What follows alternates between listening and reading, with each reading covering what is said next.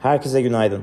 Türkiye Cumhuriyeti Merkez Bankası dün açıkladığı enflasyon raporunda 2023 yıl sonu enflasyon beklentisini %22,3'ten %58'e, 2024 sonu enflasyon beklentisini ise %8,8'den %33'e çıkardı.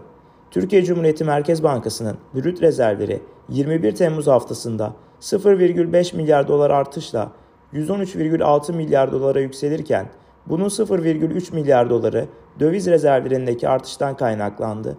Altın rezervleri ise 0,2 milyar dolar arttı. Cumhurbaşkanlığı kararıyla Türkiye Cumhuriyeti Merkez Bankası Başkan Yardımcıları değiştirildi. Japonya Merkez Bankası gösterge faiz oranını %-0,10'da sabit bırakırken banka getiri eğrisi kontrolünü 10 yıllık getirinin %0,5 civarında dalgalanmasına izin verecek şekilde değiştirdi. Bugün Türkiye'de dış ticaret verileri yayımlanacak.